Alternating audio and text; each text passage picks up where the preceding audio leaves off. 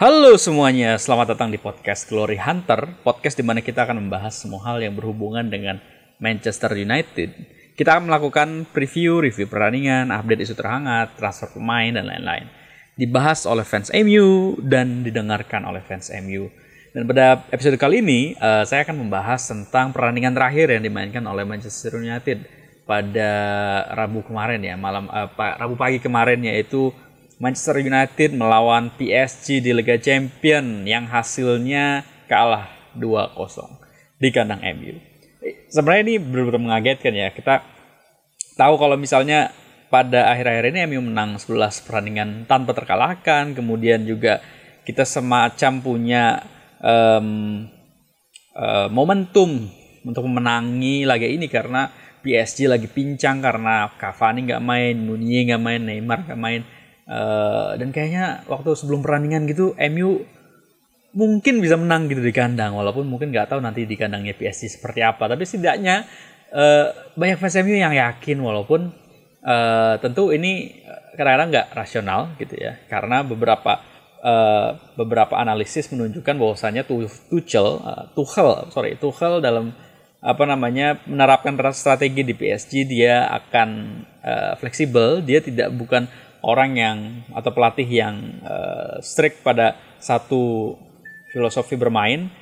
Dan seperti yang kita tahu Manchester United selama ini punya satu taktik bermain yaitu sepak bola menyerang dan mengandalkan serangan balik dan kecepatan dari tiga penyerang uh, utamanya Rashford, uh, Lingard dan Martial dan juga mengandalkan kreativitas dari Paul Pogba.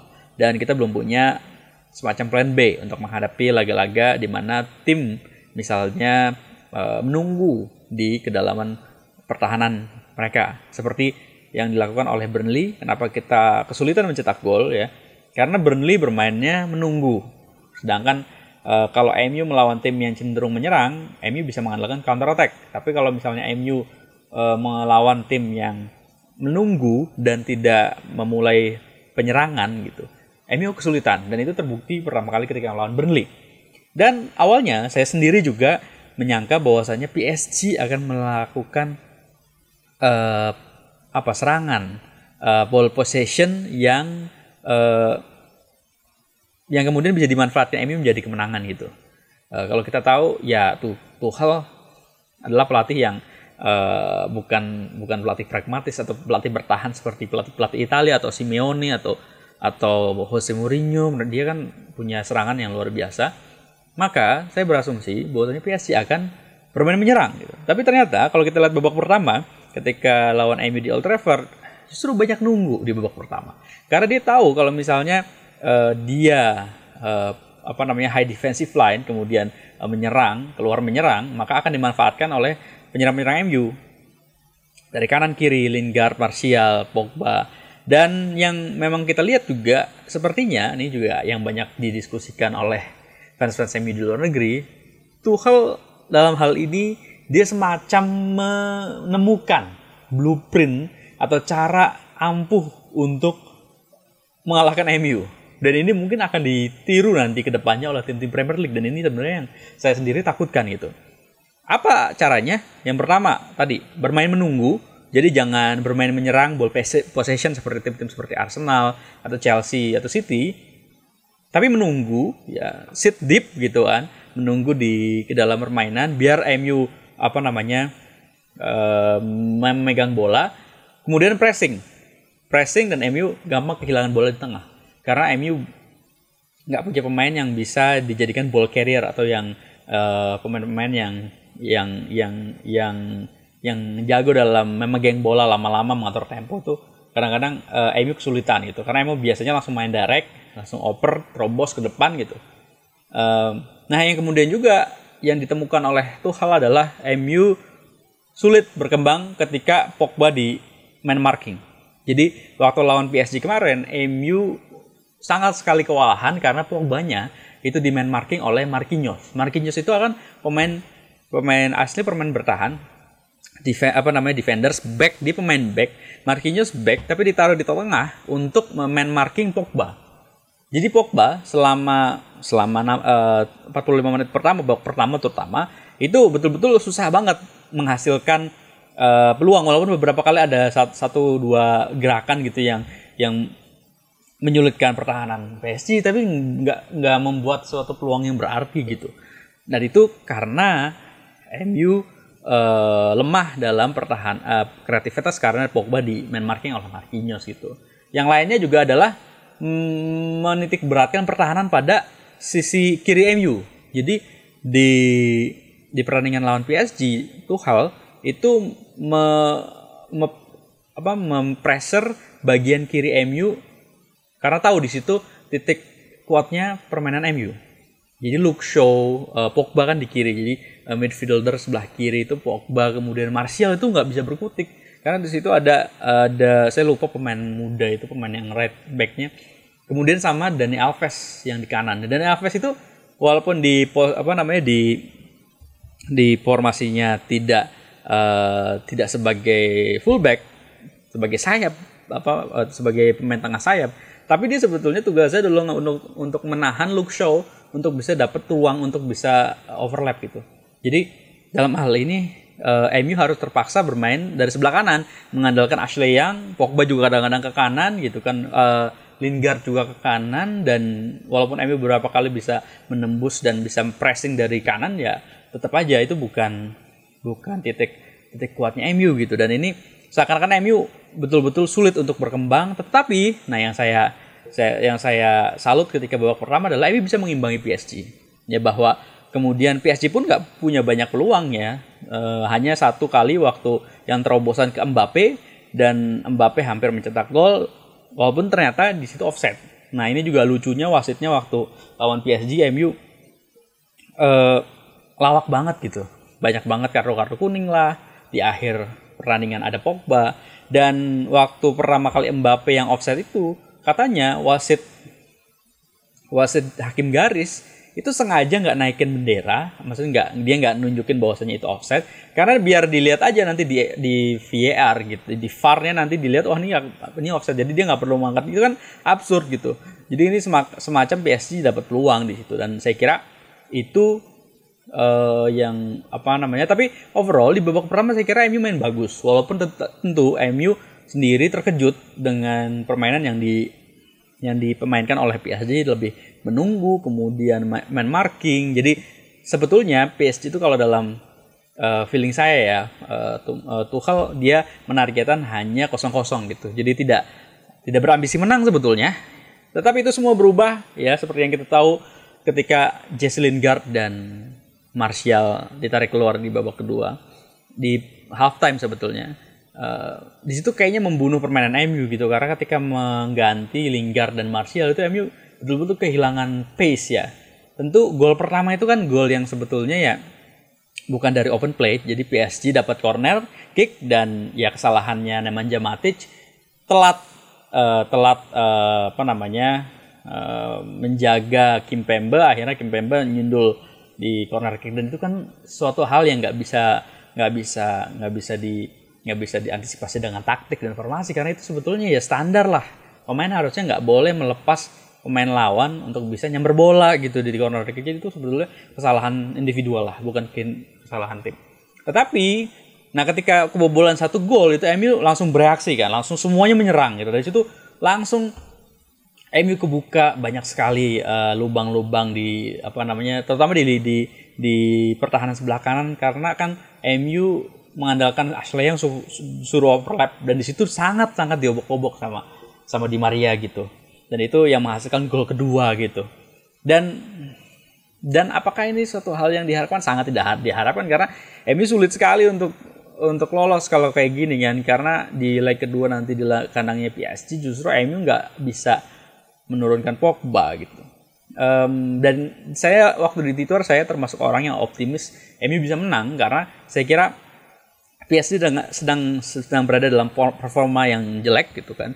Uh, beberapa kali kalah dan tadi tidak diperkuat oleh pemain-pemain kuncinya. Tetapi saya tidak menyangka bahwasanya tentu namanya bola itu kan bundar ya. Kita nggak pernah tahu apa apa yang akan terjadi gitu. Uh, saya nggak menyangka bahwasanya PSG itu me, mem, apa me, membuat formasi yang yang anti yang anti uh, serangan. Apa ya maksudnya? Yang betul-betul di luar dugaan gitu. Dalam hal ini saya menganggap bahwa PSG akan keluar menyerang ya. Eh, apa namanya tidak menunggu seperti yang selama ini. Tapi ternyata Tuchel menganggap serius dan betul-betul memformulasikan uh, antitesisnya dari uh, strategi yang digunakan oleh oleh dan ya 2-0 akhirnya. Walaupun saya kira MU nggak uh, layak kalah kalau kita lihat performa di babak pertama. Tapi ya kita nggak pernah tahu karena ya begitulah sepak bola gitu kan.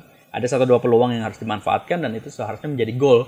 Dan MU sama sekali nggak punya chance di pertandingan ini nggak ada betul-betul peluang yang berarti yang bisa di ya mungkin bisa mengancam lah itu aja nggak ada gitu saya belum lihat statistiknya tapi kalau lihat pertandingan itu udah, jelas MU betul-betul kesulitan gitu. Karena di babak kedua terutama kalau di babak pertama saya kira imbang.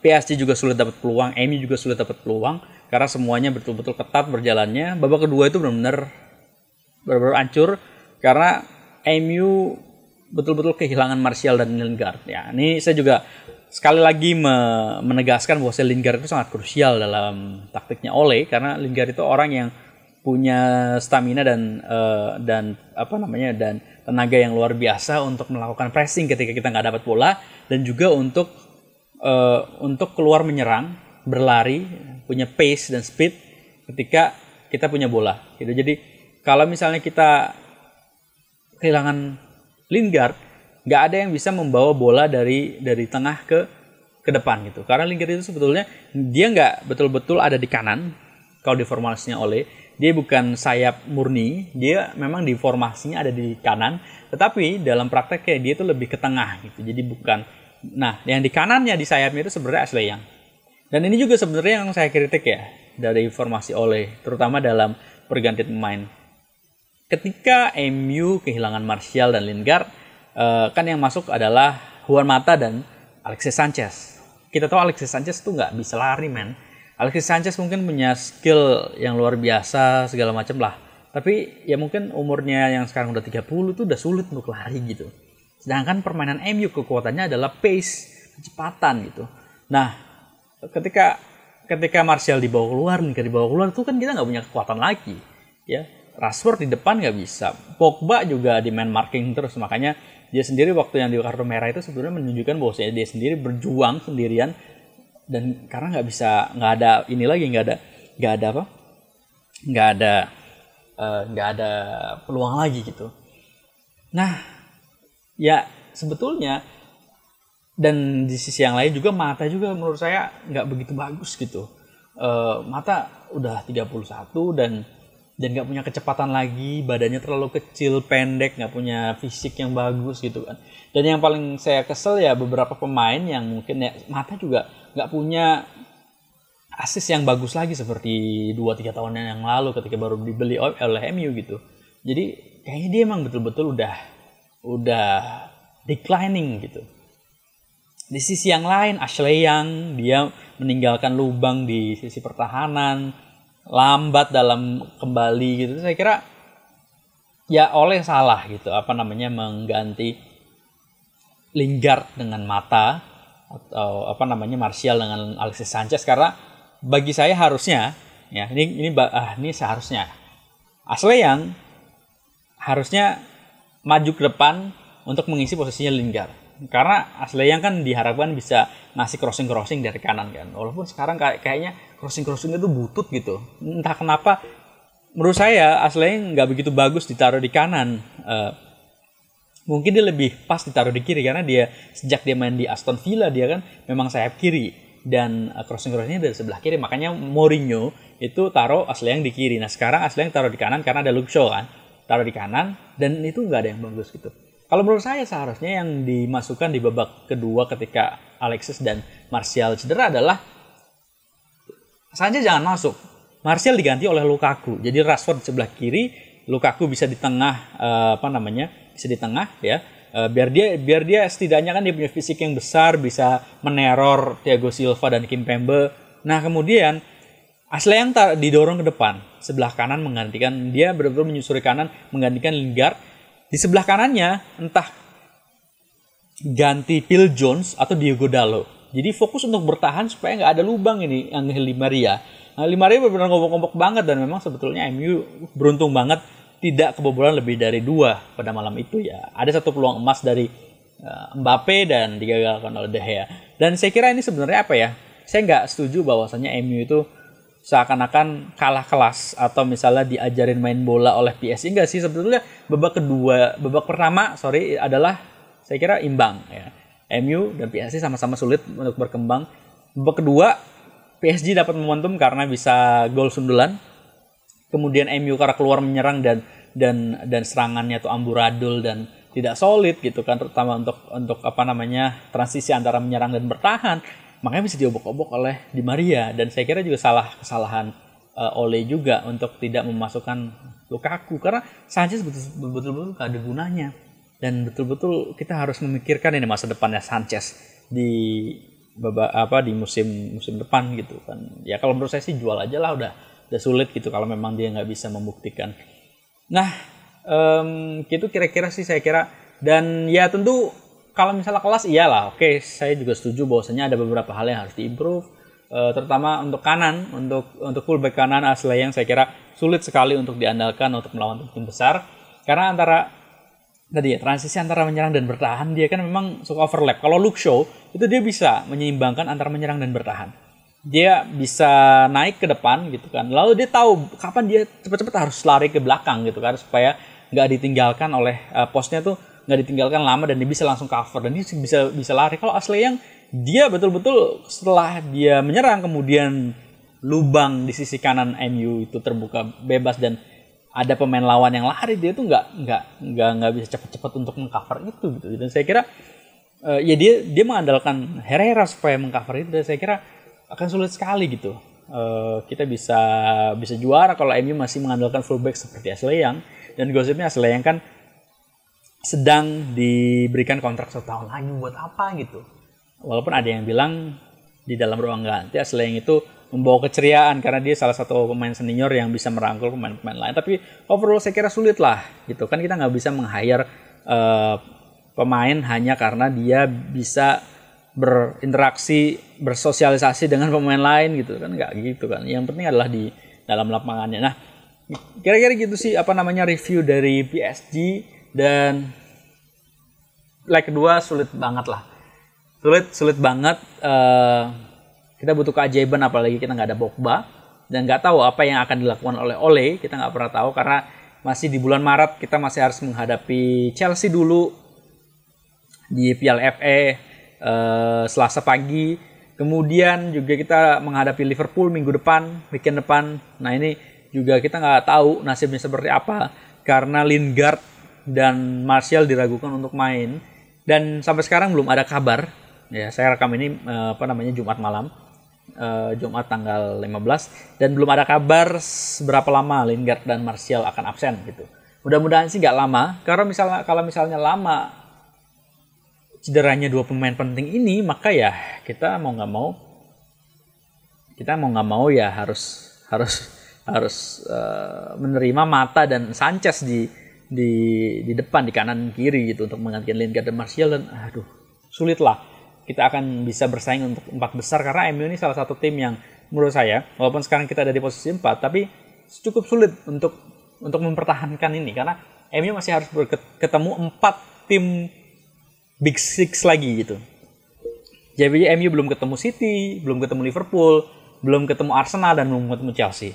Sedangkan Chelsea dan uh, Arsenal saya kira uh, kalau nggak salah uh, kurang dari empat. Jadi Arsenal kalau nggak salah hanya ketemu MU dan Tottenham dan Tottenham kalau nggak salah uh, bulan ini dia akan ketemu Arsenal dan kita uh, kalau misalnya Arsenal bisa menang maka ya dia bisa menguatkan chance untuk bisa masuk empat besar karena uh, Arsenal bagaimanapun seancur-ancurnya dia dia peluangnya cukup besar untuk empat besar.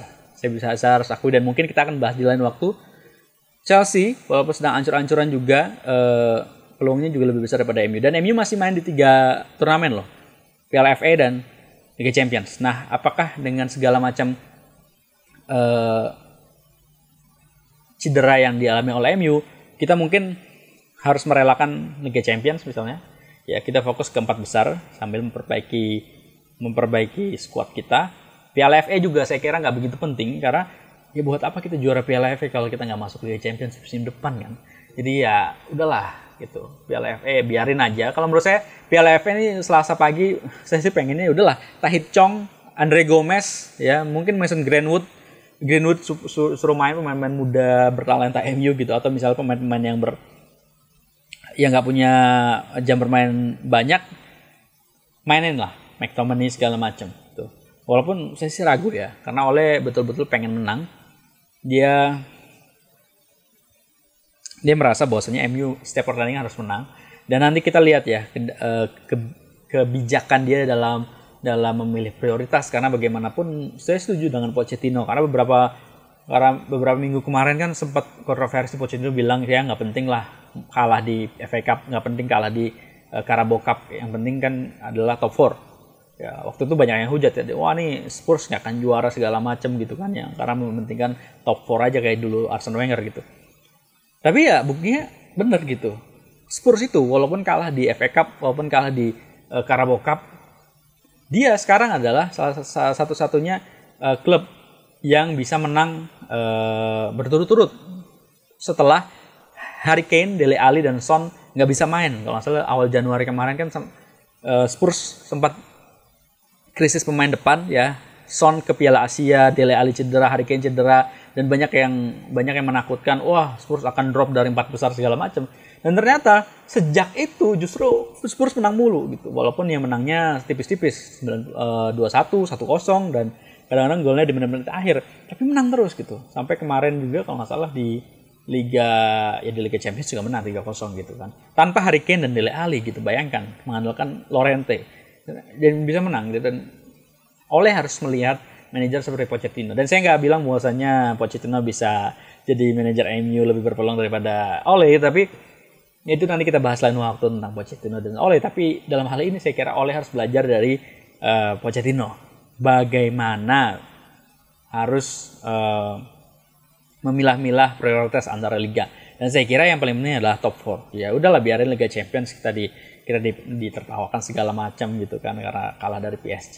Ya buktinya memang mungkin kita kalah kelas dan dari lihat dari squad yang kita punya kita belum pantas berlaga di 3-4 turnamen dalam waktu yang bersamaan, mengejar 4 trofi dalam satu musim. Kalau kita punya squad yang sangat mendalam seperti Manchester City, oke okay, mungkin bisa. Setiap posisi dia punya punya at least dua pemain ya, bintang di situ gitu kan. Kanan Bernardo Silva dan Mahrez kiri Leroy Sané dan Sterling gitu kan. Uh, attacking midfield punya David Silva dan De Bruyne depan ada Aguero dan Jesus dan dia, bisa setiap pertandingan itu uh, selang-seling gitu dan dan MU belum belum belum punya kedalaman squad seperti itu gitu. Seandainya Matic, Pogba dan Herrera itu diganti salah satunya saya kira bisa bermasalah lagi seperti melawan Burnley dan itu itu suatu suatu masalah yang harus kita akui ya. Karena bagaimanapun eh, bagaimanapun juga MU harus memilih mana turnamen yang harus kita ikuti dan mana turnamen yang harus kita relakan. Menurut saya Piala FA udahlah. MU fokus di Liga Primer, eh, di Liga eh, karena MU akan memainkan pertandingan-pertandingan cukup cukup ketat gitu. Chelsea, Liverpool, bulan depan ada Arsenal, City. Dan kalau misalnya kita kalah melawan tim 4 bes 6 besar tersebut ya kita harus harus merelakan empat besar dan kita harus main Europa League musim depan dan itu kita nggak mau kan. Oke, kira-kira itu sih uh, untuk uh, untuk review dari PSG dan saya kira uh, yang menakutkan ya tadi MU MU sulit ya itu salah satu hal yang mungkin bisa kita ambil hikmahnya dari kemarin adalah ternyata Ole tidak punya plan B untuk misalnya membongkar pertahanan dari lawan. Uh, kalau misalnya lawan parkir bis main main apa namanya uh, pertahanan deep apa deep defense gitu kan. Dia nggak uh, main marking pemain-pemain penting lalu apa solusinya gitu? Lalu apa plan B-nya gitu kan? Nggak bisa mengandalkan serang balik orang dia nggak menyerang gitu kan? Gimana mau diserangan balikin? Makanya itu apa yang kira-kira Mike Villan oleh gitu kan? Apa yang apa plan B-nya? Nah itu saya kira harus dipikirkan gitu kan. Apakah misalnya memainkan bola-bola atas dan saya kira harus ya. Walaupun MU walaupun MU nggak punya Vela ini lagi gitu kan kita nggak perlu uh, saya kira kayak Rashford, uh, Lingard, uh, Martial, Lukaku, Sanchez itu sudah harus mulai untuk belajar bagaimana bagaimana uh, skenario kalau misalnya kita ketinggalan seperti satu kosong misalnya kemudian sudah menit 80 kita nggak bisa bermain uh, apa namanya mengandalkan sayap kanan kiri lagi karena biasanya babak kedua MU itu sudah udah hilang stamina gitu statistik MU sejak zaman oleh apa namanya menjadi caretaker manager adalah MU adalah tim yang loyo di babak kedua. Jadi MU babak pertama bagus, ngegolin satu atau dua atau tiga gitu kan. Kemudian di babak kedua biasanya MU akan slow, slow down. Gitu. Seperti lawan Spurs, seperti lawan apa? Uh, seperti lawan Arsenal. Babak kedua juga seperti lawan PSG juga. Ya itu jadi babak kedua tuh biasanya MU sudah loyo karena yaitu tim yang menggunakan kecepatan sebagai permainan itu akan sulit untuk berkembang di babak kedua.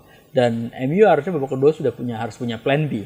Misalnya mainin bola-bola atas crossing crossing entah formasinya harus harus harus berubah atau gimana MU harus memaksimalkan itu gitu. Jadi memaksimalkan semua semua strategi semua formasi dan saya kira Asleyang harus harus dilatih lagi tuh. Uh, crossing crossingnya dari kanan. Karena saya lihat crossing uh, Ayang nggak sebagus dari kiri. Tapi masalahnya Shaw ini saya kira udah udah udah sudah solid lah di sebelah kiri. Di fullback kiri itu nggak bisa diganggu gugat lagi Shaw saya kira menjadi salah satu fullback uh, terbaik di Liga Inggris sekarang. Dan sudah improve banget sejak dia cedera pada beberapa musim kemarin. Dan itu udah nggak bisa diganggu gugat. Dan Luke Shaw sendiri ya memang sekarang kan lagi dilatih supaya bisa crossing dari kiri gitu. Um, makanya Luke Shaw sekarang kan dia justru ngambil corner kick segala macam dan yang saya kira juga sudah harus harus ini harus semuanya harus punya harus bisa memberikan crossing dengan dengan bagus gitu. Ya dulu kayak Beckham lah dari sebelah kanan gitu. Gimana caranya? Ya karena beda loh orang crossing dari sebelah kanan kiri tuh yang dia kaki kanan tapi dia crossing sebelah sebelah kiri. Jadi kalau misalnya dia lari di sebelah kiri gitu kan dia harus berbalik badan dulu lalu crossing ke apa namanya dia melengkungin bola kemudian ngarah ke gawang. Dan itu keahliannya dia. Tapi kan kalau sebelah kanan kan beda. Dia harus harus lari dan dia bisa langsung crossing gitu. Bisa langsung crossing dan bolanya itu kalau dia melengkungin itu kan semakin keluar dan biasanya dia nggak nemuin target di situ itu PR juga bagi MU jadi bagaimana mengembangkan plan B kalau misalnya uh, main main attacking counter attacknya nggak nggak direct counter attacknya nggak berjalan ke tim-tim seperti Burnley seperti PSG dan ya mengandalkan bola-bola atas. Dan itu saya kira belum pernah dimainkan oleh oleh selain waktu zamannya Burnley itu. Tapi ya di Burnley pun saya kira uh, waktu itu ya agak-agak luck juga kita ya jadi nggak punya betul-betul suatu uh, bangunan serangan yang yang cukup bagus gitu ya ya saya nggak bilang kita harus sedikit-sedikit bermain umpan lambung umpan lambung seperti zamannya Mourinho karena itu juga sepertinya lazy banget. Tapi ini sebenarnya plan B kalau yang plan A-nya nggak jalan gitu. Oke, karena kalau kayak gitu udah hampir setengah jam saya ngomong OCS ini. Uh, ini adalah episode pertama podcast Glory Hunter. Kenapa sih namanya Glory Hunter? Glory Hunter itu sebetulnya ya ejekannya fans MU kan.